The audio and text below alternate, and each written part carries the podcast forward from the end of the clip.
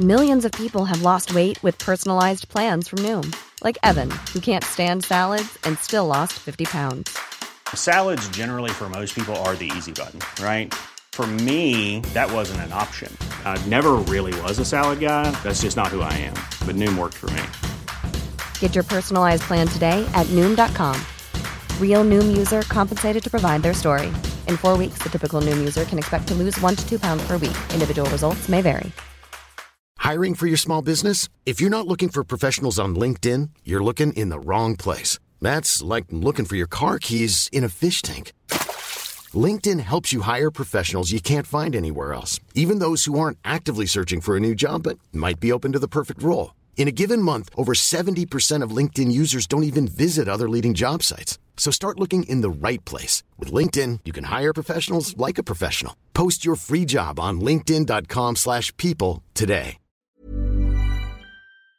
Ik stond op en ik dacht aan wiet. En ik ging naar bed en ik dacht aan wiet. Ik dacht gewoon de hele dag alleen aan blowen. Ik blowde wel echt op mijn elfde al. Soms, als mijn kind me geen kus wil geven of iets... dan ben ik al de hele dag verdrietig daarom. Ik heb een psychose gekregen en ik ben daar heel slecht op gegaan. Dat heeft echt veel puin in mijn leven gebracht. Ik weet dat er een moment was dat ik dacht dat de hele wereld in een gat verdween. Als ik s'nachts in bed lag, zag ik mezelf van bovenaf en zo. Zodra die deur dicht gaat en die gordijnen gaan dicht en ik lig in bed, dan ga ik malen. En dan vecht ik eigenlijk tegen de nacht. Tegenwoordig mediteer ik en dat helpt mij wel heel erg. Mijn leven was gewoon echt een hel op dat moment. Echt gesproken over een einde aanmaken. Ja. Het ging gewoon niet lekker, weet je. Ik denk dat als je iets wil leren en je hebt er passie voor... je steekt daar veel tijd in, dan moet dat 90% van de keren lukken. Welkom bij Even Relativeren, de podcast. En deze keer met niemand minder dan Jack Chirac, oftewel Julien. Yes, yes. Hey Julien, hoe is het met je? Ja, goed. Met jou? Ja, goed, dankjewel. Je hebt het druk, hè? Het Eh, is een ja. dooddoenetje om mee te beginnen, maar Ja, redelijk druk, ja, ja, ja. ja. En nu eh, krijg jij in heel veel interviews natuurlijk altijd vragen over, eh, over je muziek en, en alles wat je doet, wat met werk te maken heeft. Maar ik wil eigenlijk, omdat wij een beetje uit dezelfde omgeving komen. Ja. Jij komt uit Capelle, ik uit Prinsland, ik kennen veel dezelfde mensen. Ik woon in Prinsenland nu. Ja, je woont nu in Prinsland, ja. Ja. Op een hele mooie plek trouwens. Ik weet waar jij woont. Ja. Ik zal, Ja. niet, ik zal het niet verraden, maar ik weet toevallig waar jij woont. En dat is een hele toffe plek. Prinsenwiek nummer 41. Nee. Nee, maar jij woont in een straat waar ook eh, bekende voetballer woonde, toch? ja, klopt. Woont nog steeds. Ja? Ja. Oké. Nou ja, Tenminste. eh, weet niet of hij nu gaat verhuizen. Hij heeft een nieuwe baan. dat ben je niet. Waar gaat hij Ja. naartoe? Eh, Glasgow. Is hij mee? Ja? Met Van Bronckhorst. Moeten we gewoon zijn naam noemen of niet? Of Ja, ja, we kan gewoon, ja, ja, oké, ja, weet ik veel. Misschien weten mensen waar die woont. Roy Makai natuurlijk. Ja. Ja. Hey, wel, ik vind, ja, jij hebt niks met Feyenoord trouwens. Ik zal er niet te lang over doorgaan. Maar ik vind het wel leuk dat die Gio daar naartoe is gegaan. Ja, nee, ja, ik heb, ook- ik heb ook niks tegen Feyenoord. Nee, maar je hebt er niet echt affiniteit mee of zo. Nee, ik ben een, eh, een Sparta-supporter. Puur sang. ja. Hey, ehm, even terug naar, eh, ja, naar vroeger, waar het dan allemaal begon, zoals ze dat zo mooi zeggen. Je komt uit Capelle. Ja. En eh, als jij nu terugdenkt aan, jou, eh, aan jouw jeugd, wat zijn de dingen die, die sterk naar boven komen drijven? Zo. ja, ik denk dat ik vroeger sowieso een beetje een puinhoop was. Man. Ja? Ja. Waar zat hem dat in dan? Ja, weet ik niet. Ik was gewoon, ja, wij waren gewoon altijd buiten en altijd uh, kattenkwaad aan het uithalen en aan het blowen en aan het, eh, aan het doen. En ja, ik weet niet, dat was een beetje gewoon eh, wat ik elke dag deed. En, en dan krijg je waarschijnlijk te horen van, van eh, mensen op school, misschien leraren en mensen in je omgeving die ouder zijn dan jij. Van ja, ga eens wat doen met je leven. Eh, Ja, maak jezelf eens nuttig. Maar hoe heb jij, als je nu terugkijkt naar die tijd, is die, is die tijd niet gewoon nuttig voor je geweest? Ehm, weet ik eigenlijk niet, man. Ik weet niet of ik echt heel veel ehm, soort inspiratie uit mijn jeugd heb gehad of zo. Ja, waarschijnlijk had ik geen hip-hop gemaakt als ik niet. eh, als ik gewoon eh, mijn eh, VWO had afgemaakt en universitaire studie had gedaan, dan had het er waarschijnlijk wel anders uitgezien. Maar Precies. ik weet niet of het echt.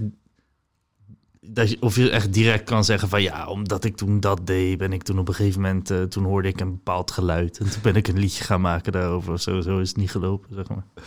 Denk je wel dat het, eh, je blode in die tijd veel, dat dat iets doet met je creativiteit? Is dat een fabel of is dat een feit? Ik blow niet. Ehm, ik heb altijd het gevoel dat mensen heel creatief worden van blowen. Ja. De eerste maand. en dat ze dan zeg maar daarna eh, niet creatief kunnen worden zonder blowen, zeg maar. Dus dat je zeg maar die... Afhankelijk wordt. Ja, dus die creativiteit die je er eerst uit krijgt, eh, dat gaat volgens mij sowieso weg. En op een gegeven moment word je gewoon, zeg maar, nuchter helemaal niet meer creatief. En stoned word je dan net zo creatief als dat iemand nuchter zou zijn. Maar is dat gewenning? Want in het begin denk ik, ja, weet je wel, als je bloot wiet, die leg, dan leg je bepaalde verbindingen in je hersenen die je normaal niet legt als je nuchter bent. En dat creëert dus iets waardoor je misschien creatiever wordt of anders naar de wereld kijkt. Is het op een gegeven moment dan gewenning als je te veel bloot? Zijn je hersenen er dan daaraan gewend en is dat dan de nieuwe realiteit? Ik denk dat het op een gegeven moment gewoon een, eh, een soort vlucht is of zo, of een soort afleiding. Dat mensen. eh, eh, ja, ik, ik weet van mijn tijd dat ik blode. Ik stond op en ik dacht aan wiet. En ik ging naar bed en ik dacht aan wiet. Ik dacht gewoon de hele dag alleen aan blowen, zeg maar. Vanaf welke leeftijd had je dat? Eh, zeven of zo? Nee, Nee, joh, wat tof man. nee, wel echt vroeg, man. Ik blode wel echt op mijn elfde al. Op je elfde, dat is echt krankzinnig jong, ja. Kan je je eerste hijs nog herinneren? Eh, nee, toen was ik stoned.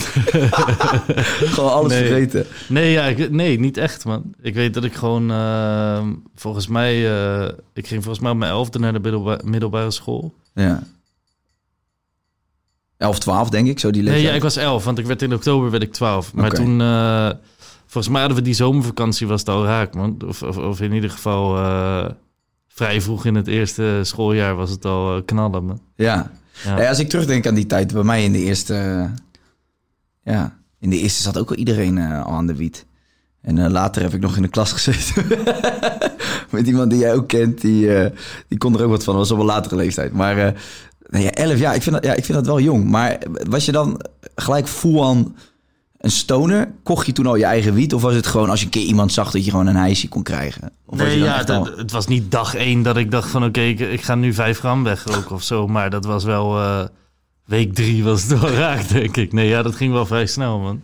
Maar wat, wat was het dan wat het, zo, wat het zo prettig maakte, dat blowen? Weet ik niet. Ik, ben, ik, heb, ik heb daar veel over gehoord of over gelezen. Dat, ik, ben dan een ADD'er of ADHD'er, of, of voor zover dat bestaat. Want ik weet niet of ik daar helemaal in geloof. Of dat dat een soort van een stempel is die op mensen geplakt wordt. Maar ik eh, weet wel dat ik een chaot ben. ik ben. Mijn hoofd is altijd heel druk en heel vol. En ik weet dat dat soort mensen eh, vaak behoefte hebben aan zelfmedicatie. Ja. Maar dat, zeg maar dat druk wat je in je hoofd hebt en heel vol, dat wordt dan op een gegeven moment het probleem denk ik op school. Omdat je dan denkt van shit, weet je wel, ik heb weinig orde. Ja. Ehm, denk je op het moment dat je in een, in, een soort vrije wereld zou opgroeien waarin dat allemaal niet zou zijn, dat je, dat, dat je die zelfmedicatie dan niet nodig zou hebben? Is het het systeem wat ervoor zorgt dat mensen zoals jij en, en, en ik denk dat ik me daar wel bij kan aansluiten. Ik heb dan nooit gebloot, maar ik was ook een complete chaot en had ook nooit orde. Eh, wordt, wordt het ons extra lastig gemaakt? Ja, ja, ik denk wel dat wij. Ik vind, ik vind sowieso dat wij eh, op de hele wereld een soort ouderwets systeem hebben over hoe de wereld in elkaar zit en over hoe wij mensen opleiden. Ik denk Mm. dat wij eh, op school, dat heel veel mensen op school niet op hun plek zijn. Ik, ik bedoel dat ik, ik deed best goed op school hoor. Eh, de eerste paar maanden, maar gewoon de, de, de ik had gewoon, ik, ik ben gewoon iemand, ik kan gewoon niet, ik heb ook nog steeds mijn rijbewijs bijvoorbeeld niet, omdat ik gewoon autotheorie, ik kan het gewoon niet leren. Nee? Nee, ik wil gewoon niet, zeg maar. en als ik iets echt niet wil, ja, dan doe ik het. Ik wil dat gewoon niet. Ik weet niet waarom het zo is, maar ik je hebt kan, er altijd iemand die voor je rijdt. ja, Ja. ja. Dat is nooit, nooit een obstakel. Nooit, nooit dat je een keer ergens naartoe moet en dat het gewoon niet lukt om iemand te vinden die rijdt. ja, pak taxi. Ja.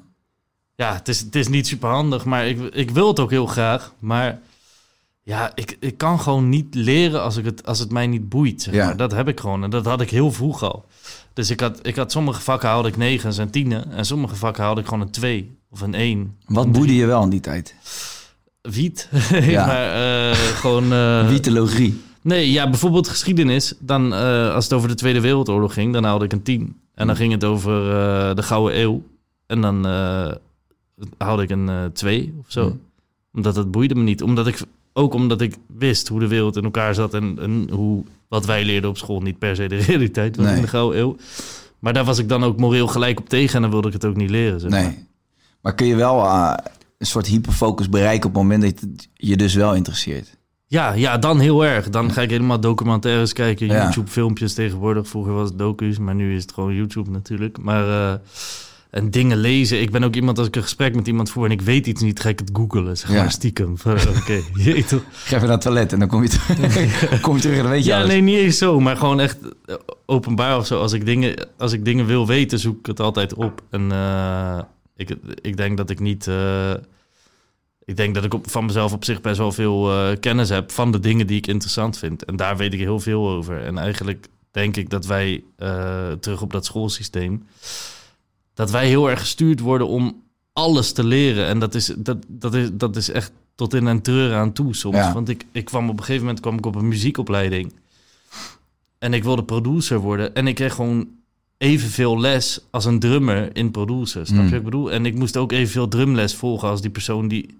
Terwijl ja, ik wil helemaal geen drummer worden, zeg maar. Ik wil producer worden. Ik wil gewoon 30 uur per week eh producer leren... en 10 uur per week een beetje algemene kennis. Ja. En ik denk dat wij in Nederland daarin eh, een beetje ouderwet zijn. Ik denk op de hele wereld is dat Ja. volgens mij wel een probleem. Maar ik denk dat het... eh, dat, ja, om terug te komen op, op dat van net, ja... Het, je hebt sowieso een soort chaos in je hoofd... en er is niet zoveel ruimte voor creatievelingen bijvoorbeeld. Nee. En eh, ja, dan is het gewoon... dan is het wel vrij moeilijk om, om, om je aan te passen aan een schoolsysteem... als het je gewoon echt niet ligt. Nee. Ik ben het overigens helemaal met je eens hoor, maar ik, ik hou me een beetje afzijdig omdat ik dit onderwerp eh, echt... Het is, het is ook, ja, ik blijf het gewoon iedere keer weer zeggen. Het komt iedere keer terug in deze podcast. En iedereen die tegenover mij zit, die, die beaamt eigenlijk wat jij zegt. Ja, maar Dus- jij spreekt voornamelijk met creatievelingen, denk ik ook. Of mensen die uiteindelijk zelf dingen zijn gaan ondernemen. dat en dat zijn wel meestal bepaalde mensen. Ja, dat is waar. Ja, dus nee, inderdaad. Dus bij die mensen eh, kom je eigenlijk altijd dezelfde problemen tegen.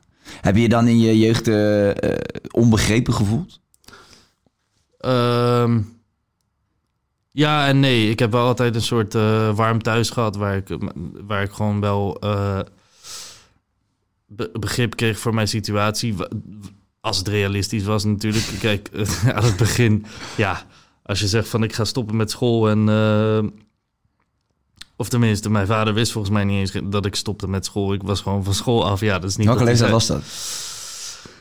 15, denk Ja. ik.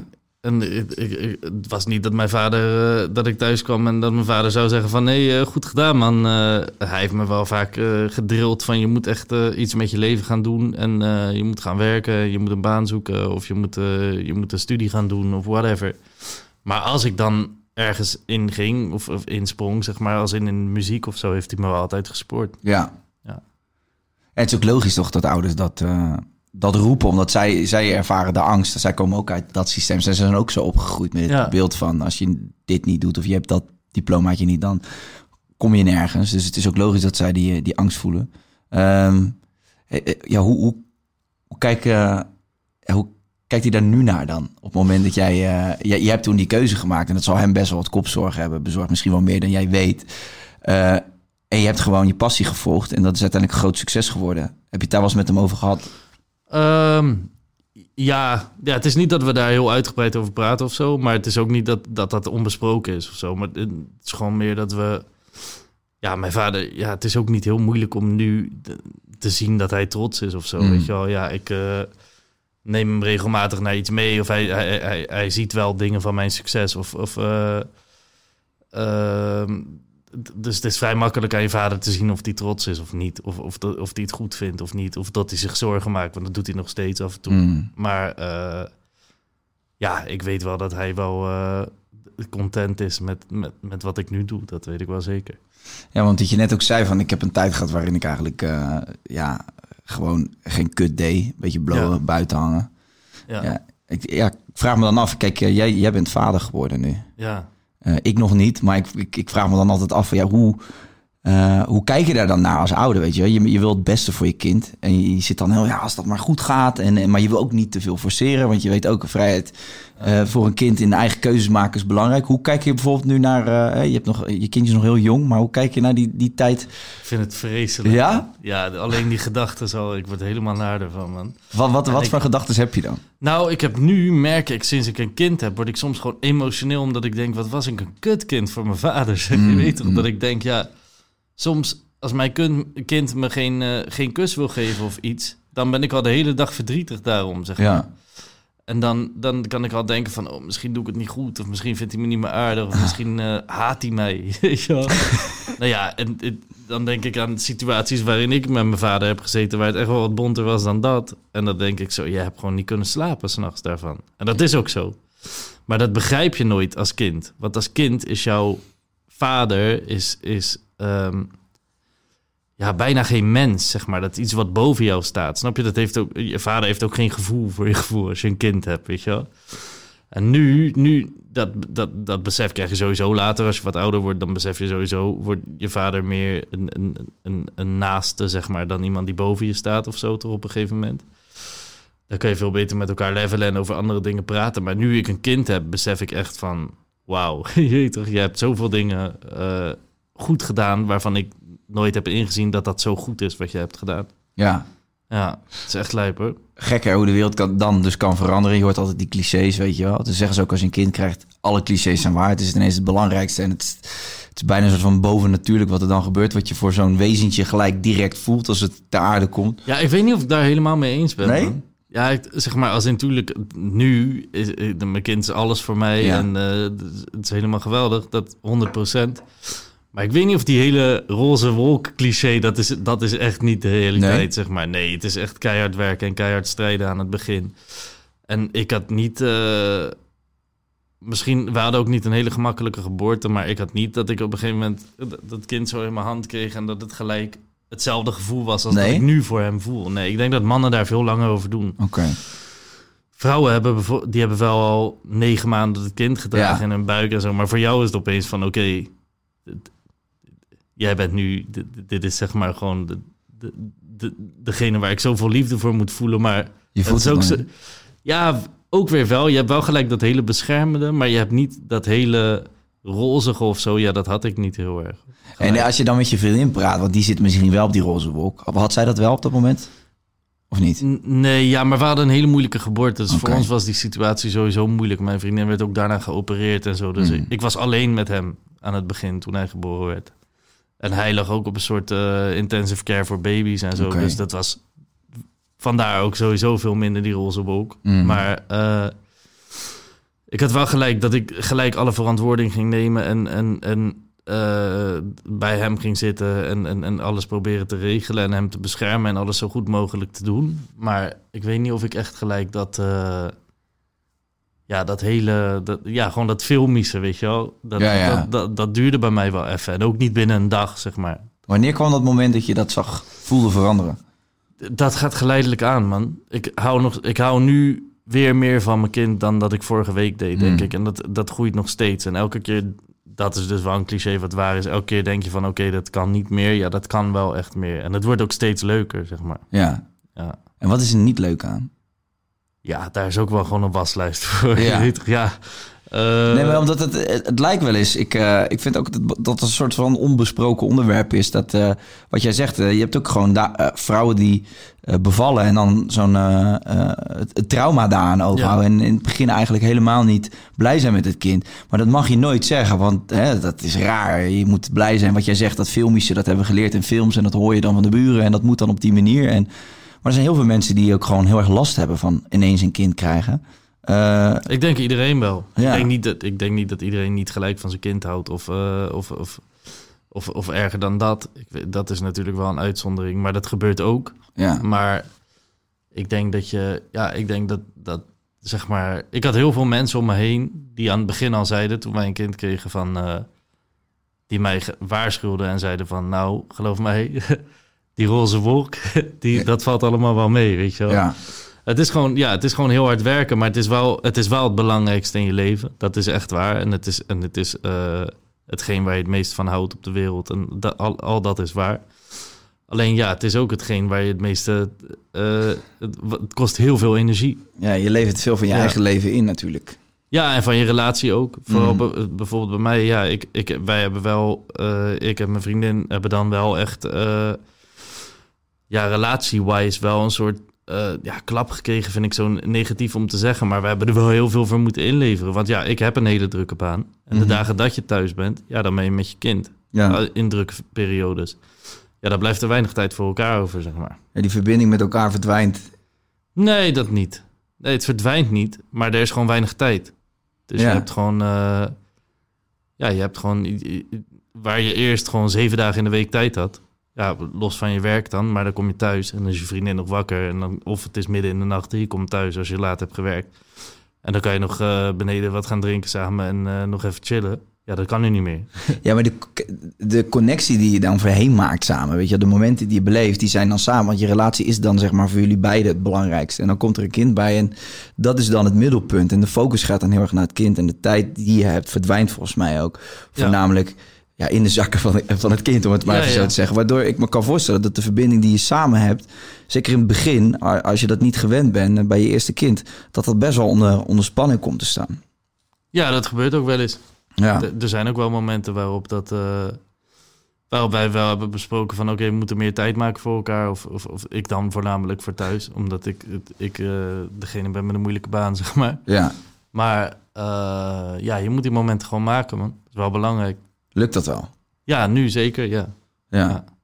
Ja. Ik vind het ook wel. eh, je hebt dat, ik vind het een beetje zo'n rare term, relaties werken, maar het is uiteindelijk wel zo. Je moet wel, eh, je moet elkaar ook gewoon regelmatig eh, water geven. Klinkt niet heel rom- romantisch, maar je kan heel snel natuurlijk een soort van twee levens krijgen waarin je aan elkaar voorbij hobbelt. Ja, maar echt, het, het verschil met kind of zonder kind is daarin echt gigantisch. Ja, Dat ja, echt- dat bedoel ik. Ja. ja, ja, dat is, dat is, dat is heftig. Maar had je mensen om je heen, zeg maar, in je vaste vriendengroep, die, die een soort voorbeeld al waren daarin, of waar je een beetje kon afkijken voordat, voordat kindje geboren werd? Nou, nu ben ik niet heel erg van de stereotypes, maar ik maak hip-hop, zeg maar. En om mij heen zijn niet heel veel mensen die eh, een kind hebben met hun vriendin, waar het helemaal goed bij loopt en alles eh, op en top is. Nee. Er zijn er wel een paar en daar kan je wel over praten. Maar uiteindelijk, ja, het is ook gewoon. eh, ik weet niet of je daar echt tips in nodig hebt. Het is ook gewoon, je moet voor jezelf. het- elke relatie is anders, elk kind is anders, elk leven is anders.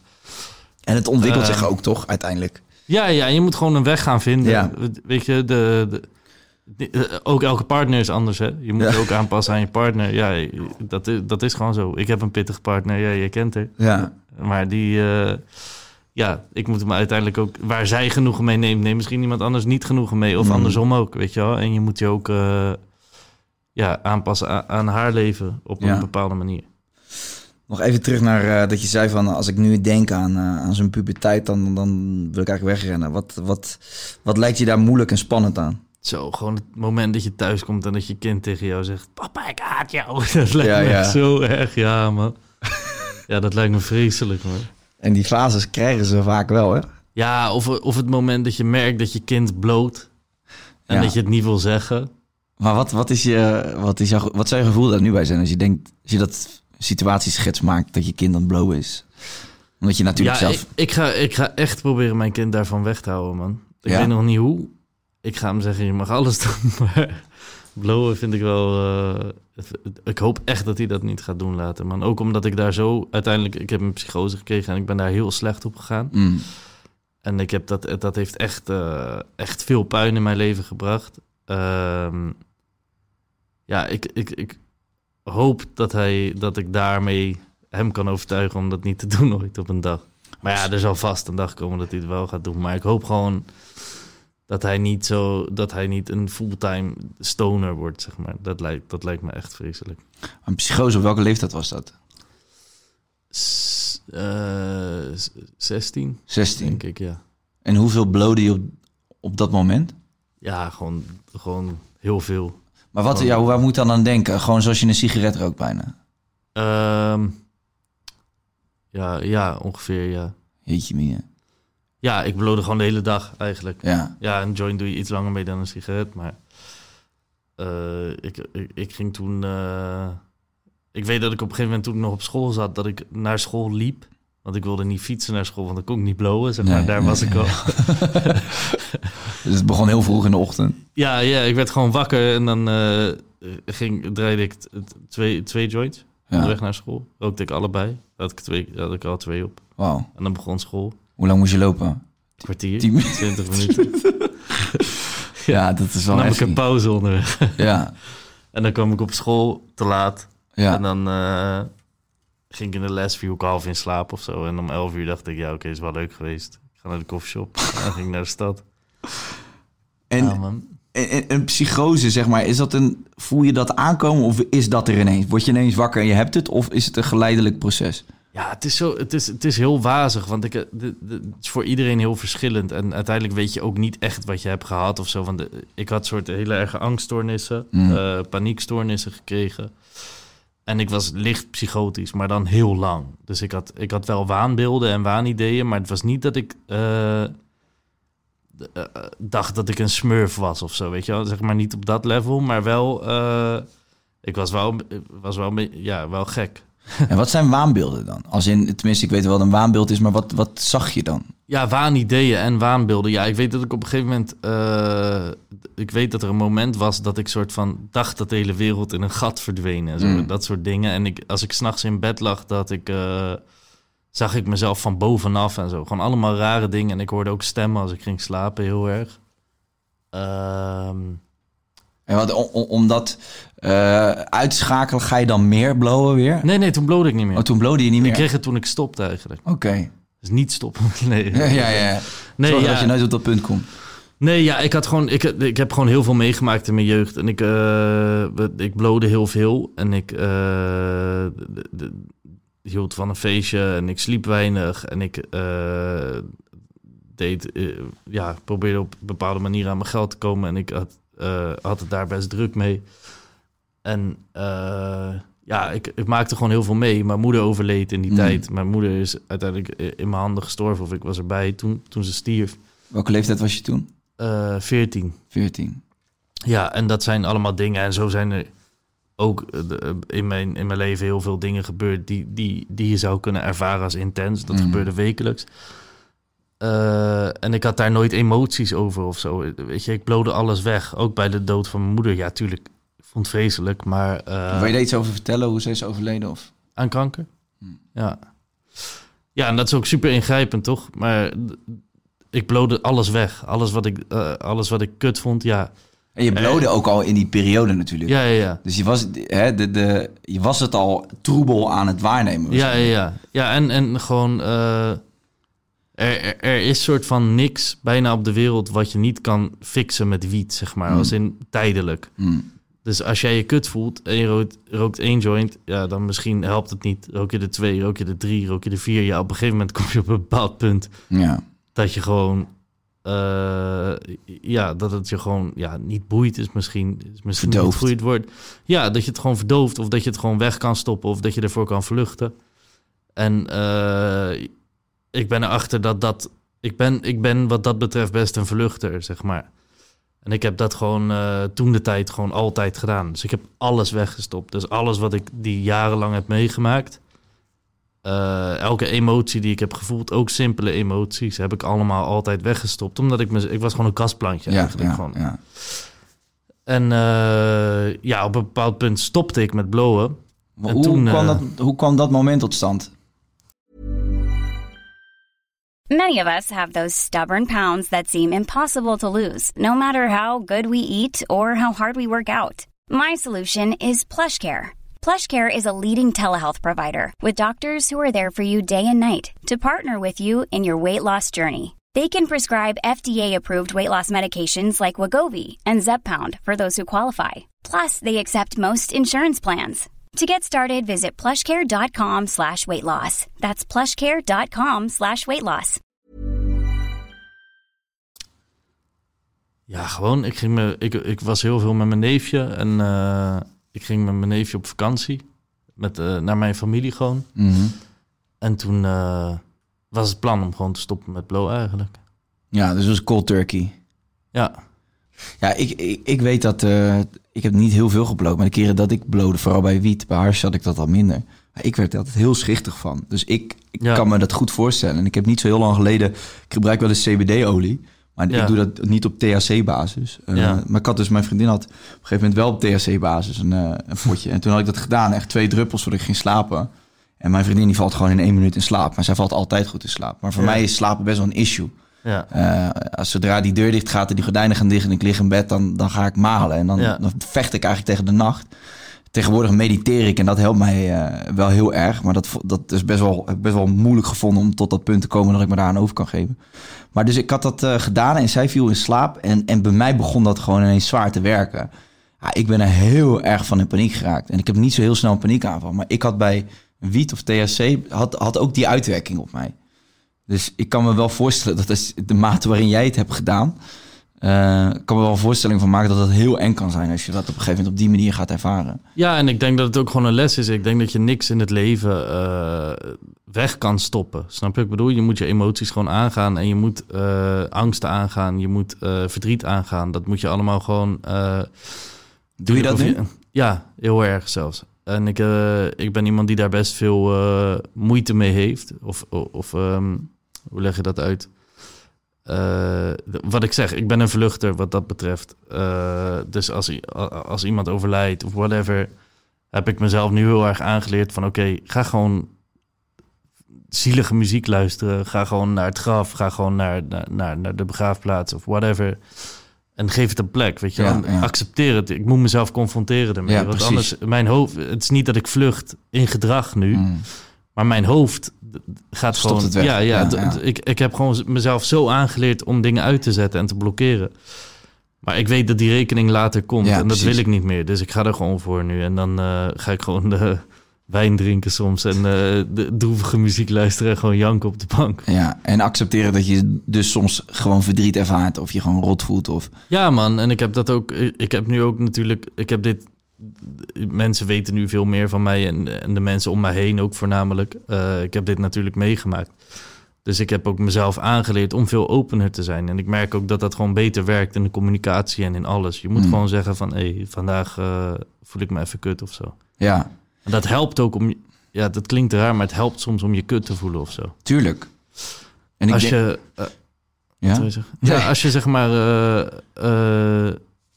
Soms helpt het ook. eh, ik weet niet hoe je, de, hoe je dat goed uitlegt, maar soms helpt het om tegen mensen te zeggen: van ik voel me kut, want dan krijg je. Dan kan je je daardoor ook kut voelen of zo. Hm. Ja, tuurlijk. Dan, dan hoef je je harnas, kan je harnas uit en dan kan je gewoon laten zien wat je denkt en voelt op dat moment. Maar wij zijn, we hebben onszelf aangeleerd dat het eigenlijk altijd goed moet gaan. Ja. dat, maar dat is, dat weet je wel, dat is, je hebt ook dat in Nederland, eh, wij hebben het wel eens over Amerikanen zijn nep. Maar wij in Nederland vragen elkaar ook allemaal, hey, alles goed? Ja, en je, ja. je wacht niet eens op het antwoord. Nee, ja, je wil ook helemaal niet dat iemand nee zegt. Nee, dan ben je gewoon half... lullen. Precies. Maar als je daar al... Kijk, dan zegt 90% zegt... 99% zegt dus ook... Ja, goed man. Of ja, Ja. flex. En dan ga je, ga je door. Ehm, wat ik ook niet raar vind. Ik bedoel, ik, ik ga ook niet tegen als iemand eh, die ik niet heel goed ken op straat... me vraagt, gaat het goed? Dan zeg ik ook ja. Dan ga ik ook niet zeggen, nee man. eh, mijn relatie gaat kut. eh, ik zit in de schuldsanering... en ik heb ruzie met, mijn- met mijn ouders bewijzen van. Ja, ja, ja. Maar het is wel zo dat, dat, eh, dat toegeven van nee, het gaat eigenlijk niet goed, kan een soort van bevrijdend werken. Omdat je eigenlijk gewend bent altijd de schone schijn op te houden. Dat het allemaal wel goed gaat. Tegen Ja. anderen, maar ook dus in je, in je eigen hoofd. ja, maar het helpt ook nooit, toch? Want jij weet zelf ook, als je je niet lekker voelt en iemand vraagt alles goed... en je zegt ja, dan ga je ook soort van gelijk in een rol, toch? En dan, Nou, je voelt je zelfs nog kutter, vind ja, ik. ja, ja, ja, maar je gaat, gaat wel in die rol, soort van Ja. niet te laten zien dat het kut gaat, bla bla, en proberen eh, jezelf te forceren daartussen of zo. Maar die, ehm, die periode waar je het net over had, de- dus die was 16. eh, hoe, lang, hoe lang heeft dat geduurd, denk je? Eh, twee jaar of zo. Wauw. Ja, man, dat was echt heel lang. En eh, was, een, was een moeilijke weg, man. Was Mm. echt. als in het, dat, dat is twee jaar niet omhoog gegaan. Of dat werd gewoon eigenlijk niet Stilstaan. beter, zeg Nee. maar. Ja, dat werd alleen maar erger misschien zelfs, man. En wie, wie waren er in die tijd? eh, kon je met iemand praten in die tijd al? Eh, Kon je dit delen met mensen? Ja, ik heb eh, met mijn zus en mijn vader en eigenlijk de, de ex-vriend van mijn zus, ja, die ken je ook Ja, toevallig ja. goed. Die hebben voor mij op, op, in die periode echt heel veel betekend. Mm. Echt, echt heel veel. En ik heb echt, ja, op een gegeven moment had ik het echt, lukt het gewoon niet meer, weet je. Dan, eh, als jij eh, twee jaar dat hebt en, en jouw leven is gewoon een hel. Mhm. Het is gewoon eigenlijk, je moet het zo zien, het is eigenlijk alsof je paddo's hebt gegeten, maar net één paddootje te veel, zeg maar. En dat elke dag van je leven. Mm. Ja, je gaat gewoon nooit lekker. En op een gegeven moment Nee. was er gewoon niet echt meer een uitweg voor mij of zo. En ik, ik weet wel dat ik daar altijd eh, heel goed met hun over kon spreken. Ik weet dat ik met, met, met, met mijn zus en de ex op een bepaald punt zelfs heb gesproken over van... dat ik gewoon aan hun kon, kon aangeven van ja, ik zie gewoon geen uitweg Mm, meer. Man. mm. Ik weet gewoon niet meer wat ik moet doen. Mm. En ehm, buiten die gesprekken die je dus had met je zus en je ex-schoonbroer en eh, je vader, waren er ook momenten dat je eh, professionele hulp had, zoals ze dat dan noemen? Ja, ja. Ik had, een, ik had wel, eh, ik heb wel psychiaters en psychologen gehad en zo. Maar ehm, ik heb medicatie gekregen van een psychiater een tijdje. Eh, dat hielp wel. Maar ik weet niet of dat de oplossing was. Nee, man. nee, het was ook niet de oplossing. Dat, is- dat leg ik vaak uit aan mensen van als jij, eh, als jij eh, hoofdpijn hebt, neem je paracetamol. En als je de tweede dag hoofdpijn hebt, neem je het weer. En de derde dag neem je misschien ibuprofen een keer, Hmm. omdat het niet weggaat. Maar als je de vijfde dag nog steeds hoofdpijn hebt, ja, dan moet je misschien toch gaan kijken naar een oplossing Ja, voor het probleem exact. in plaats van het dimmen. Ja, exact. En dat was. eh, ik denk dat die medicatie mij wel goed heeft gedaan op het moment. Dus ik denk wel dat ik daardoor eh, eh, mezelf heb kunnen herpakken op een bepaald punt of zo, weet je wel. Of dat ik me ergens toch soort van af en toe terugkeerde naar een nulpunt dat je je weer oké voelt. Mhm. Dat heeft me wel geholpen, denk ik. Maar ik denk niet dat dat heeft bijgedragen aan, aan aan het oplossen van dit probleem of zo. En is er een bepaald punt geweest waarvan je nu terugkijkt, waar, waarop je nu terugkijkt en dat je zegt, dat was de oplossing. Vanaf dat moment ging het echt beter. Was Ja, zo? ja, ja dat, is, dat is best een soort eh, raar verhaal. Maar alcohol heeft mij eruit geholpen, man. ja. Ja, dat, is, dat klinkt als een hele slechte tip. maar. Nee, ja, medicijnen moet je kan niet iemand doen. een want- whisky voor me Ja. pakken thuis? Ik voel me heel kut. nee, ja, ik had... eh, ik, had dus, ik was op dat punt waarop ik dus eigenlijk eh, dacht van... oké, er is gewoon geen uitweg meer. En dan ga je toch aan, aan bepaalde d- dingen denken waar je niet aan wil denken. En eh, wat ook een beetje taboe is over, om over te spreken. Mm. Maar ik heb echt met, met toen dus wat ik zeg met, mijn- met mijn zus en de ex... echt gesproken over een einde aanmaken Ja. en bla bla. Omdat er gewoon, weet je, en zij hadden daar ook niet een heel duidelijk antwoord op van ja, Nee. nee, ja, maar dat wil je niet. Want Mm. Er was gewoon, het, ging gewoon niet lekker, weet je wel. En Nee. het ging, het, niet eens niet lekker. Het ging, het, mijn leven was gewoon echt een hel op dat moment. En er was gewoon, eh, ja, het was gewoon, als ik elke dag een cijfer moest geven, kwam het gewoon niet boven de drie of een Mm. vier. En dat moest ik elke dag doen van, Ja. van eh, een psycholoog volgens mij. En eh, ja, dan is het gewoon op een gegeven moment niet meer leuk. En dan ga je wel afvragen van ja, oké, als ik hier niet uitkom, dan, dan weet je, je gaat ook dingen lezen over mensen die psychotisch. Ik was dus zeg maar psychotisch, maar ik wist wel dat er iets aan de hand was op bepaalde momenten. En eh, op de meeste momenten dacht ik eigenlijk dat iedereen tegen mij loog en dat ik eh tumoren in mijn hoofd had en bla bla, en dat ze het niet goed konden zien of dat er iets aan de hand was.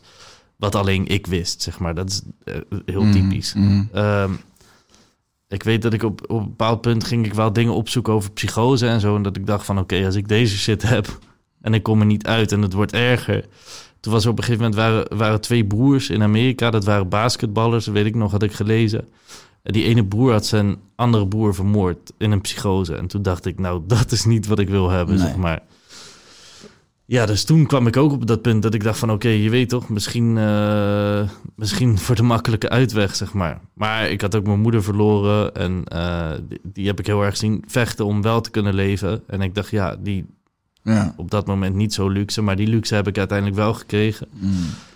Ehm, dus dat wil, wilde ik ook niet zomaar doen Nee. of zo, weet je wel. Ik ben, ik ben niet iemand die, die dat heel snel zou doen. Nee. Eh, toen weet ik dat ik met vrienden wat ging drinken. En ik dronk ook niet meer. Hè. Ik, ik deed helemaal niks meer. Ik deed alleen sigaretten roken. En af en toe dronk ik één of twee biertjes. Ging ik mee naar een feestje of zo. Maar was eigenlijk alleen maar geforceerd. soort zoeken naar, Mm. naar, naar een soort normaal leven of zo. Maar dat ging echt super slecht. En toen eh, weet ik dat eh, we gingen, zij gingen een drankspel doen. Kingsen, dat ken je waarschijnlijk Ja. wel. Eh, heel kort uitgelegd, is een soort drankspel. Je moet kaarten pakken en de, je krijgt, uiteindelijk wordt gewoon iedereen gaat gewoon helemaal Dronken, slecht. ja. Het is gewoon de, de, het meest ultieme drankspel, soort van. Nou, en ik, dat, eh, ik dacht van, oké, weet je wat, fuck it. Ik heb nu toch niet zoveel te verliezen. Ik ga gewoon meedoen. En toen eh, ging ik meedoen.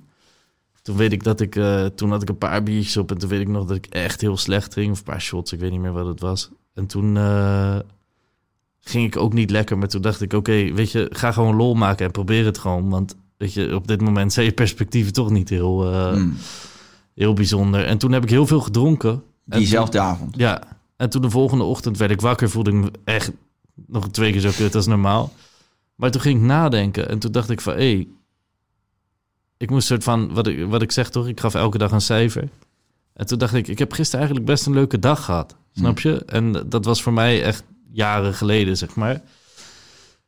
En toen had ik het een. eh, toen, toen dacht, dacht ik van oké, gisteren heb ik gewoon echt lol gehad en heb ik het naar mijn zin gehad. En waar kwam dat door? Door het feit dat ik alcohol had gedronken. En eh, toen besefte ik mij opeens van oké, je kan nu twee dingen doen. Je kan nu voor altijd alcohol gaan drinken, zeg maar, maar dat is ook niet de oplossing.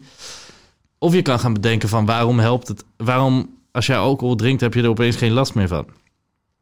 En toen ging ik me beseffen van oké, als je alcohol drinkt, is gewoon heel simpel, dan denk je er niet aan. Mhm. Dan krijg je een soort tunnelvisie en dan Ja. denk je maar aan één ding. Of eh, misschien aan meer drinken of aan lol maken, maar één van de twee, zeg maar. En dan is het weg. Ja. En toen dacht ik, ja, als jij een tumor in je hoofd hebt en je hebt kanker, ja, dan kan je drinken wat je wil, maar dat wordt niet minder als je alcohol drinkt, zeg maar. Die tumor blijft. En toen ging ik opeens beseffen van, oké, misschien zit het wel echt tussen mijn oren. En dat was voor mij eigenlijk een soort keerpunt waarop ik besefte van, oké, jij maakt jezelf gewoon gek. Mm. Er is niks, snap je? Ja, tuurlijk, eh, je hebt iets, maar iets, iets mentaals, zeg maar. En eh, alleen jouw mindset gaat dat kunnen overwinnen, zeg maar. ja. En toen, eh, ja, vanaf dat moment veel beter man. Zo, wat, een soort bizarre bre- breakthrough gewoon. Ja, Ja, het, het klinkt als ik er naar luister ook wel een beetje, zeg maar, niet eh, zozeer... eh, kijk, die, je hebt daarna heb je, je bent niet de drank gaan gebruiken als de, verdover. Nee, nee. Ja, nee. Ik ben, wel, ik ben wel vaker gaan drinken omdat ik wist van oké, als ik drink, dan, is het, dan, dan gaat het helemaal flex, zeg maar. Dus het is niet dat ik... Het, daarvoor dronk ik helemaal niet. Maar ik ben gewoon normaal gaan drinken. Ja, precies. maar. Het is niet dat je ineens elke dag dronken was. Nee, nee, nee. Zeker Maar het niet. was, die, die, het was gewoon een soort van key moment waarin jij dacht... hé, hey, gisteren heb ik het dus met drank eigenlijk niet gevoeld. Dat betekent dat ik er niet aan heb gedacht. Dat betekent dat als ik niet tegen mezelf zeg dat er een tumor in mijn hoofd zit... dan is het er dus ook niet. Ja. Ja, het is bijna een soort van placebo-effect. Hè? Als je denkt, als je iemand zegt, ja, ik heb heel erg hoofdpijn. Je zegt, hey, ik heb hier een pilletje en dat is dan vitamine C Ja. of wat. En iemand neemt dat, dat hij van zijn hoofdpijn af is. ja, het was gewoon voor mij gewoon een, inderdaad echt een breakthrough, toch? Dat ik zelf kon Ja. beseffen van oké, eh, je, je bent gewoon... Ja, gek wil ik nooit zeggen, omdat dat vind ik misschien denigrerend naar mensen die daar zelf onder lijden. Maar op dit moment ben je gewoon niet jezelf. Je En bent jezelf in ieder geval wel gek Ja. aan het maken. Dat, ja, dat is ja, feit. precies. En eh, het, het, bestaat gewoon niet. Het is iets, iets waar jij gewoon zelf met, met mindset jezelf verloren bent en jezelf ook weer kan vinden. Als je jezelf kan verliezen. En op het moment dat je dat dan beseft... doe je dan echt een bizarre rugtas met bakstenen af? Of wat gebeurt er dan met je? Ja, Voel je dat het- als een bevrijding? Of... Ja, ja, dat ging wel vrij snel. Maar dit is ook niet, het is ook niet dat ik dat keerpunt echt had. In, in, in, in- dat ik wakker werd en dit in één keer soort als Einstein op ging schrijven of zo. Maar dit is gewoon, daar ging ik over nadenken. En dan ga je wat meer proberen, toch? En dan ga je wat meer opletten. En toen besefte ik me van, hé, hey, als ik 's ochtends wakker word, voel ik me over het algemeen best flex. Tot het moment dat ik besef van, oh ja, jij hebt dit. Snap je? Daarom ben ik ook niet zo fan van zeggen van, je had een psychose of je had dit of je had dit. Want ik kom er dus steeds meer achter dat die stempel ook veel slechte Ja. dingen met jou doet. Zeker. Net zoals ADHD, ADD. Probleemjongeren. Ja, je, die, die- dat woord alleen al probleemjongeren.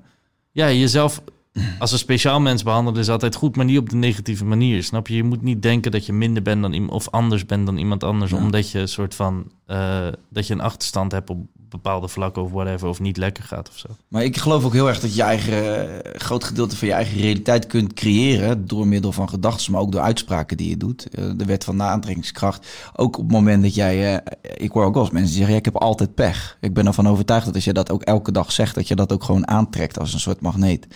En Ja. ik, ik, ik ben er wel echt van overtuigd, in mijn optiek althans, dat, eh, dat het heel veel kwaad kan doen om jezelf dagelijks aan te praten dat je iets hebt of bent of denkt te zijn en dat je dat op een gegeven moment dan ook zo ervaart alsof het er is. En dat is een bijna aangeprate eh, realiteit die je hebt gecreëerd, die je misschien wel op net zo makkelijke manier weer van je af kunt schuiven door, door te beseffen dat je niet je gedachtes bent. Ja, de, de hoe heet dat? De law of attraction, toch? Ja, ja. attraction-. Law of attraction, ja. Ja, ja dat eh, heeft mijn vriendin het altijd over. Man. Ik, ben er ook nog, ik ben er nog geen ster in, maar ik eh Ja, ik geloof daarin. aan het werk. Je moet er voor de grap even het boek van, eh, van Mike Tyson lezen. Ik weet niet of je die wel eens gelezen hebt. Ik lees niet echt boeken, man. Nee? Nee, ja, ik heb dus wel aan die periode heb ik dus soort van heel veel dingen overgehouden of zo. En lezen is daar één, één ding van. Ik kan, ik kan niet lezen, man. Nee, nee, ik kan wel lezen, maar ik kan een, wit, een witte bladzijde met zwarte letters, zeg maar... Het, het werkt gewoon niet meer nee. voor mij, man. Nee. Het, ik, moet, ik moet echt mijn best doen om mijn hele bladzijde te lezen, man. Ja. Dus ja, ja. ja. Oké, ja, misschien luisterboek dan. Luister je, Ja, wel, dat- luister je wel eens naar een podcast? Eh, nee, wat is dat? nee, Ja, maar kan je dat wel? Kan je als je bijvoorbeeld staat te koken of weet ik veel, je zit in de auto. eh, Vind je het dan lekker om ergens naar te luisteren? Mm, ja, het is heel lullig als ik nu nee zeg, toch? Nee, ja, nee, ja. natuurlijk niet. Nee, ja, ik doe het eigenlijk nooit. Ik doe het wel af en toe, maar ik ben... Ik, ik weet niet, man. Ik heb een soort verslaving aan chaos of zo. Het is Mm. echt moeilijk voor mij om echt te denken van... Oké, ik ga nu een uurtje op de bank zitten en een podcast luisteren of zo. Dus wat ik... Ik doe wel bijvoorbeeld... eh, dan ben ik aan het gamen of zo. Dan, dan kom ik s'nachts thuis en dan ga ik zeg maar... En gamen en een podcast Ja, ja, ja. Een soort terror in je hoofd aanbrengen. Ja, en nog koken het liefst misschien. Ja. Nee, ja, goed, lang verhaal kort. Dat boek van Mike Tyson. eh, het, het is niet alleen het boek van Mike Tyson, maar da- daarin beschrijft hij toevallig in een hoofdstuk. Zie je gewoon heel erg wat die Law of Attraction met hem heeft gedaan. Door dat tegen zichzelf te blijven Ja. herhalen. En daar zie je heel erg het effect van. Maar goed, jij, leest, zijn ook...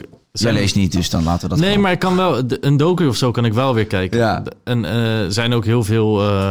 eh, heel veel succesvolle mensen die daarbij zweren, toch? Ja. Die echt zeggen, die echt zo erg met energie bezig zijn en met, eh, met mindset. Ja, je hebt, je hebt Michael Jordan nog nooit horen zeggen dat hij de slechtste is. Ik bedoel, die heeft zijn hele leven geroepen dat hij de beste was. En dat was hij ook. En dan kan je wel zeggen, ja, hij kan makkelijk praten, want hij had dat talent. Maar die jongen heeft dat in zijn onderbuik gevoeld vanaf hele jonge leeftijd. En hij is het ook geworden. Hij is het gewoon altijd gebleven. Geloof jij in talent? Ja, ik geloof wel dat, dat ieder- ik geloof ook dat iedereen een talent heeft. En ik geloof er ook in dat 90% van de mensen helemaal niet weet wat zijn of haar talent is. Hmm. En ik, dan kom ik toch een stukje terug op dat scholensysteem, waarin ik ook denk, doordat je gelijk in het vacuüm wordt geperst, dat het lastig is om erachter te komen wat je talent is, omdat vanaf hele jonge leeftijd eigenlijk al van je wordt verwacht dat je in een bepaalde stroom meeloopt. Ja. Ik denk ook echt, als je kijkt naar kinderen tot zeven jaar, die hebben zeg maar vrije imagination, toch? En Ja. alles kan. En wat gebeurt er? Zij zien een el ik zeg wat, je zoontje ziet dadelijk een elfje. Ik zou persoonlijk, als mijn zoon een elfje ziet of zo, en dat zegt hij tegen mij, ik ga nooit van mijn leven tegen hem zeggen, nee, joh, dat zit in jouw fantasie. Leg het maar uit, vertel het me maar, weet je wel. Want wat wij doen is wij, en als, wij projecteren onszelf op onze kinderen, denk ik, veel te veel. En dat doe, dat doe je eerst als ouder zijn en dan gaat je kind naar school en daar wordt er ook van alles verwacht en er wordt vooral heel veel afgeleerd.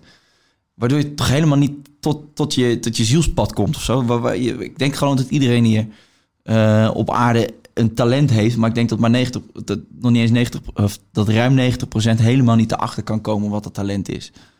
Ja, ik weet niet of ik, of ik heel erg in talent zelf geloof, man. Ik denk, ik heb... eh, ik denk dat passie en doorzettingsvermogen een soort van een veel betere graadmeter is voor of je iets gaat kunnen of niet. Ja, maar ik denk dat er heel veel basketballers en heel veel voetballers het zijn die heel veel tijd en effort steken in een carrière. Maar die worden allemaal nooit zo goed als eh, Messi of eh, Michael Jordan. Ik denk echt wel dat er een verschil in zit. Ja, het zou kunnen. Het is wel een, er moet iemand de beste zijn, toch? Dat, Ja. dat is het ook. het is een interessante discussie. Want inderdaad, eh, ja, de vraag, we weten het niet. Jij weet het niet, ik ook niet. Maar ik heb wel het gevoel dat iedereen wordt geboren met een talent. Ja, ik heb wel het gevoel dat je, dat je aanleg kan hebben voor iets en dat je, dat je ergens beter in kan zijn. Ik bedoel, eh, als ik eh, naar, naar om mij heen kijk, bijvoorbeeld een Ronnie Flex. Ja, als ik hem in de studio zie, dat, Mm. is, gewoon, die, dat is gewoon zijn roeping en zijn passie. En dat, straalt er aan alle kanten vanaf, Ja. zeg maar. Dat, tuurlijk heb je dat. Maar je hebt ook mensen die, die het niet per se minder goed doen. En waar ik dat niet per se bij heb. Hmm. En die, maar die werken gewoon keihard. Ja, En die... eh, Dirk uit. nou ja, bijvoorbeeld. Ja, is wel goed. Ja, die heeft alles uit zijn carrière geperst. Nou ja, Ronaldo, Cristiano Ronaldo is toch ook zo'n jongen die gewoon eh 360 uur per dag traint. Ja. Ja. En, eh, en daarom ook de beste is. Ja. Eh, Toch? Of, of in ieder geval bij de top hoort, zeg Ja. maar. Ik weet niet, man. Ik, ik, ik weet niet of ik... eh, Maar als jij Messi ziet wandelen over zo'n veld, dat is, dat is buitenaards bijna. Dat, ik, ik geloof niet dat, dat iedereen... Ik denk echt dat hij daar... eh, hij heeft daar een gave. Dus op ja, het tuurlijk. Ja, dat, ja oké. Het- Ik, ik denk dat talent wel bestaat, maar ik denk niet dat dat... ehm, dat je zonder eh, dat talent het niet kan bereiken als je iets echt graag wil. Dat, Nee, dat is het eens. meer misschien. Ik denk dat als je iets wil leren en je hebt er passie voor... en je steekt daar veel tijd in, dan, dan moet dat 90% van de keren lukken, man. Maar ben je het met mij eens dat, dat, eh, dat heel veel mensen in deze wereld eh, een beroep uitoefenen... eh, waar ze helemaal niet gelukkig in zijn. Eh, Ja. Maar wat gewoon van, vanuit een soort samenloop van omstandigheden is ontstaan. Je gaat maar naar school en dan zeggen je ouders die vinden dit... en je vader is misschien dokter, dus dat moet jij dan ook worden. Want alleen dan krijg je die externe bevestiging van dat je, dat je het gemaakt hebt in het leven... En dat je dus eigenlijk alleen maar om externe... Hè, je bent alleen maar bezig met externe mening van andere mensen. En dan word je uiteindelijk word je iets. En dan doe je dat. En dan ben je dus die 40 jaar dat je leeft... ben je eigenlijk vo- volledig voorbij gelopen aan wat je echt wil. Want daar kom je alleen maar Ja. achter als je niet bewerkt wordt. Snap je? Ja, en je moet ook bepaalde. We hebben ook. We hebben een lang leven, maar het, in het systeem waarin wij leven heb, is er niet heel veel ruimte om veel fouten te maken. Zeg Nee. maar. Je moet vrij vroeg uit gaan kiezen van oké, dit is wat ik ga doen. En als je daar na tien jaar denkt van nou, dat wil ik misschien niet doen, ja, dan is dat wel, dan is dat al, eh, al laat, zeg maar. Ja. Je hebt, je hebt soort een paar jaar de tijd waarin je dat gaat uitzoeken en waarin je daar ga- daaraan gaat werken. Ja. En eh, daarna moet je gewoon werken tot je pensioen, zeg maar. Mm. Dat is een beetje het systeem waarin wij leven. toch? Ja, eens. Dus ik, ik denk dat het voor heel veel mensen. eh, ik denk dat veel meer mensen wel zouden weten wat ze willen doen. Maar die stap niet durven te zetten. Ik Ja, denk dat dat, dat, dat, dat die groep nog veel groter is. Ja, maar mijn broer zegt bijvoorbeeld van, ja, weet je, daar heb ik het ook wel eens over. Van, ja, doe je echt wat je leuk vindt. En eh, hij vindt zijn werk oké. Maar zeg, ja, is het je passie, is het je droom? Nee. En dan zegt hij ook tegen mij van, maar wees jij nou gewoon heel erg blij dat je ook wel echt iets doet waarvan je kunt zeggen van dat het een passie is en dat je het heel leuk vindt. Want hij zegt, ik weet dus niet van mezelf wat dan wel die passie is. Hij zegt, ik weet dat, dat vind ik een beetje leuk, dat vind ik een beetje leuk. Hij zegt, maar ik weet niet zeg maar wat dan die, die ultieme droombaan is. Ja, maar wat je denk ik wel moet beseffen en waar je wel over moet nadenken, is dat er ook heel veel mensen zijn op de wereld die eh, niet per se super ambitieus zijn. Of Ja. niet per se eh, wij misschien een beetje in de scene waarin wij zitten, zijn wij natuurlijk allemaal een soort. eh, Streebitjes. ja, misschien zelfs soort ego's die heel, heel lekker gaan op, op, op een succesvolle carrière. En eh, die dat heel graag willen. En die eh, soms misschien zelfs hun, hun geluk en succes eh, alleen daarmee meten. Ja, Maar er, ik ken heel veel jongens die gewoon zeggen van ja, parttime baan prima. Dan Ja. kan ik gewoon lekker chillen daarnaast. Of gewoon eh, simpel baantje. En, eh, en die zijn niet per se ge- ongelukkiger dan, dan, dan een, eh, een Michael Jordan bijvoorbeeld. Nee. Snap je wat ik bedoel? Nee, nee, heb je gelijk in. Alleen ja, ik denk, ik denk, denk ook dat die groep er zeker is. Alleen nog om terug te komen op het moment dat je zei, ja, denk je dat iedereen een talent heeft? Ja, ik denk dat we daar dus allemaal mee worden geboren, maar dat we niet allemaal de kans krijgen om, eh, om erachter te komen wat dat is door een samenloop van omstandigheden. Ja, maar misschien zijn er ook wel mensen die heel goed kunnen zingen, maar die zeggen nou, ik hoef echt geen zanger te worden. Nee, Doe mij maar gewoon... eh, dat heb ik, dat heb ik. Weet je, ik had gewoon, eh, ja, ik had echt hier kunnen zijn. qua Ja, ik zanger, weet ja. het. Ik, heb, ik probeer het nog steeds, die contractonderhandelingen met... eh, Nee, ja, podcast, dat is mijn ding geworden. Nee, maar je hebt gelijk. Dat, eh, die zullen er ook zijn. Alleen, eh, ja, talent. Ja, bij- blij- ja, blijft, blijft bijzonder. Waarom, waarom kan de ene een balletje hoog houden en de ander niet? We hebben allemaal twee benen. Ja, maar ik denk als jij nu eh, een maand lang gaat oefenen, kan je ook een balletje hoog houden. Ja. Ja. ja, maar ik denk niet zo goed als Messi. Nee, oké, maar ja, die is iets langer dan een maand geoefend ook. nee, dat is waar. Hey, als je kijkt, eh, ik ben wel benieuwd eigenlijk. Geloof jij in, eh, geloof jij iets van reïncarna- geloof jij in iets van reïncarnatie? Ja, Ja. Wat, hoe, zie jij het concept? eh, hoe zie je dat concept? Van het, het leven is op een gegeven moment voorbij. En wat gebeurt er dan met je, denk je? Of met je ja ziel? geen Of, flauw idee, man. heb je daar nul, nul ideeën bij? Of? Nee, maar ik geloof wel in, in een soort spirituele shit. Ik weet niet of ik per se in, eh, in een god geloof, of in de hemel geloof, of in de hel geloof, of in eh, allemaal dat soort dingen. Maar ik geloof wel dat er iets is of zo. Ik geloof Hmm. wel, ik, ik, eh, ik zou bijvoorbeeld nooit gecremeerd willen worden. Nee. Omdat ik toch denk van ja, nou ja, sta je daar dadelijk. Of, ja, of niet, zeg maar. nee ik, ja, ik, denk, ik geloof ook zeker dat er nog wat gebeurt. Ik geloof ergens ook wel in reïncarnatie. Maar in welke vorm dan precies, weet ik ook niet. Ik geloof alleen dat, de, dat je ziel is oneindig, denk ik. Ja, En- dat heb ik dus ook. Ik, ik heb niet het gevoel dat ik zeg maar helemaal niet meer in contact sta met bijvoorbeeld met mijn moeder bijvoorbeeld. Nee, ik heb nee. nog wel. eh, ik heb wel eens dingen meegemaakt waarvan ik denk van... oké, dat is wel iets te toevallig of zo, Ja. weet je wel? Dat, en daar daar geloof ik wel in. Ja. Ja. Ja, nee, grappig dat je dat zegt. Ja, mijn vader is ook overleden toen ik... Ja, ik was 17 toen mijn vader overleed. Maar ik heb ook die momenten nog. Ja, En ook een rare soort van verbondenheid. En het is helemaal niet dat ik hem nu daar zie zitten of dat hij me af en toe aantikt. Verre Nee. van. Het is een gevoelsmatige verbondenheid. En ik merk ook gewoon, het geeft me ook, het geeft mij heel veel rust dat ik ervaar dat hij er is. En dat doet hij niet door lampen te laten flikkeren. Maar dat, hij is er gewoon of zo. Ja, Alsof daar ja. een soort van zielsconnectie nog zit. ja, soms voel je dat toch gewoon Ja. of zo. En misschien is het allemaal... eh, is dat ook dat placebo-effect of whatever. Maar dan nog, dan is dat ook, ook iets goeds, toch? Of, Ja. of iets fijns. Het is ook iets waar je aan vast wil houden, toch? Ja, Ik denk, tenmi- tenminste voor mij, ik zou het vreselijk vinden als ik soort van echt moest beseffen van oké, jij bent er helemaal niet Nee, meer. Snap je wat ik bedoel? Ik denk dat echt 50% van die pijn weggenomen wordt door het idee dat je soort van nog ergens eh, dat, dat, dat, dat, dat je nog ergens met ze in contact staat of zo. dus het zou kunnen dat je het jezelf aanpraat omdat het de pijn verzacht. Dat zou kunnen. Ja. Dat zou zeker kunnen. Maar ik, ik, ik ben iemand die bijvoorbeeld... eh, ik hecht ook heel veel waarde aan het graf van mijn moeder bijvoorbeeld. Ik, eh, mijn vader en mijn zus hebben bijvoorbeeld iets minder met het graf of zo. Die zijn er iets nuchterder in. Eh, ik ben iemand die echt bij zo'n plek... Maar ook omdat ik altijd warrig, altijd druk in mijn hoofd... Daar kan ik mezelf echt ermee confronteren of zo. Mm, Ik kan, echt, ik kan echt bij het graf gaan zitten en gewoon tegen mijn moeder praten, zeg maar. ja. En echt janken. En ik geef ook een kus op die steen van het graf. Ja, ja, ja, ja. Ik, ik weet niet, man. Ik geloof wel in, eh, in een soort bepaalde verbondheid, verbondenheid of zo. Ik weet... Verbondenheid is dat Ja, ja, ja, ja, ja. hartstikke goed. een bepaalde verbondenheid geloof ik wel, geloof ik nog wel in. Ja. Ja.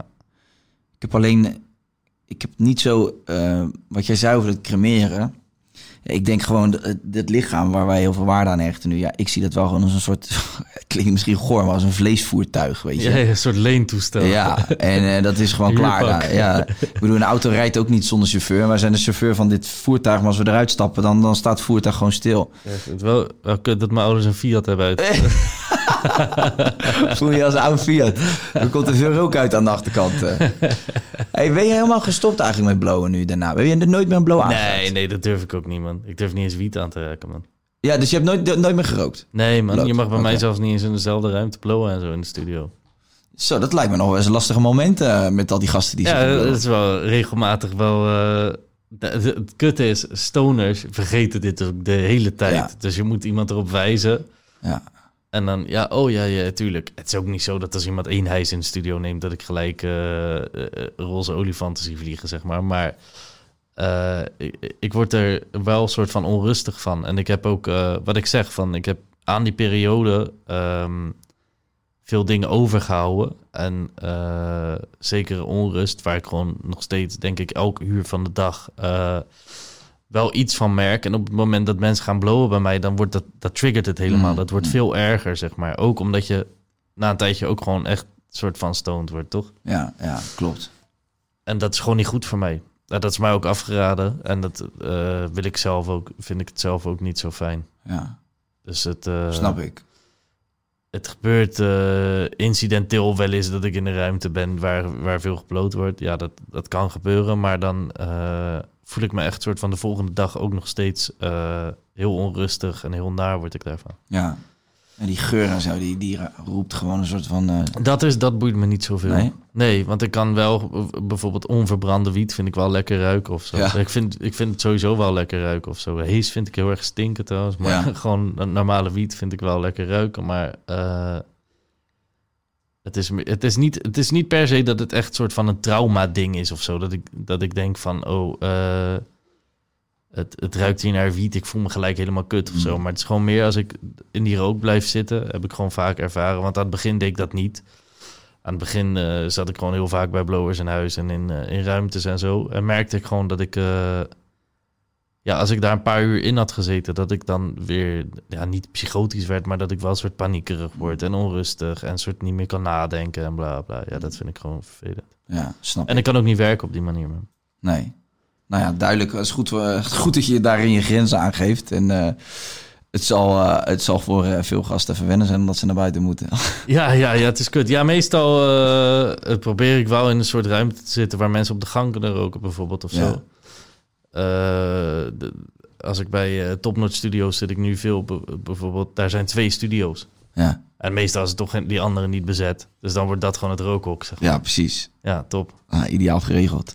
Hey Julia, we zitten op een uur. eh, we hebben het eigenlijk. ja, ik vond sowieso bedankt voor je openhartigheid. Ik vond het een mooi gesprek. En ehm, ja, nogmaals, ik wil je nog. ik zei aan het begin van. Ik wil het eigenlijk niet te veel over muziek en je carrière hebben. Want ik kan me voorstellen dat je daarmee wordt doodgegooid. Ja. Ehm, maar ik wil wel. eh, ja, wil je nog iets. wil je nog iets pushen? Heb je nog iets wat je aan de mensen wil vertellen? Want eh, dat mag je natuurlijk gewoon altijd doen. Nee, ja, eh, luister gewoon muziek. Dat zou ik, wel, zou ik nice vinden. Ik ben niet zo heel erg van het zelfpromotie of zo. Ik zet sowieso altijd socials in de, in de beschrijving. Dus mocht je willen weten wat jou allemaal uitspookt, dan ga je daar lekker naartoe. Nogmaals bedankt voor je openhartigheid en voor je tijd. En ehm, ja, we gaan elkaar wel weer zien in de buurt, hè? Ja, in de buurt. Woon je, wa- waar woon jij nu? Spanje. Oh ja, jij bent verhuisd naar Ibiza, hè? Ja. Jezus. Maar ik ben nog wel, als ik, ik heb nog een huis in Rotterdam. Waar? Eh, West. Oké, aan de andere kant. Ja, aan de andere kant. Dus ik ben nog wel veel in Rotterdam. En, eh, Lekker, man. alleen het grootste gedeelte van de tijd eh, lekker in Spanje.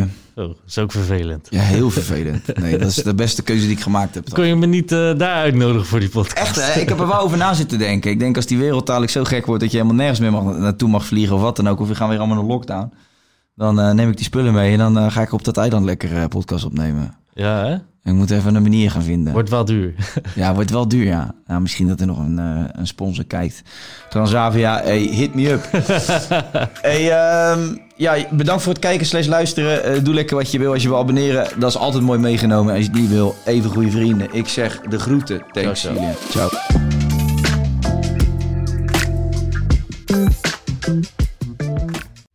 Vind jij dat jouw merk het verdient om in het volgende rijtje Tony Media adverteerders te staan? Bol.com, Google, HelloFresh, Samsung, Coca-Cola, Land Rover? Dat kan, zolang je maar betaalt. Mail naar adverteren@tonymedia.nl.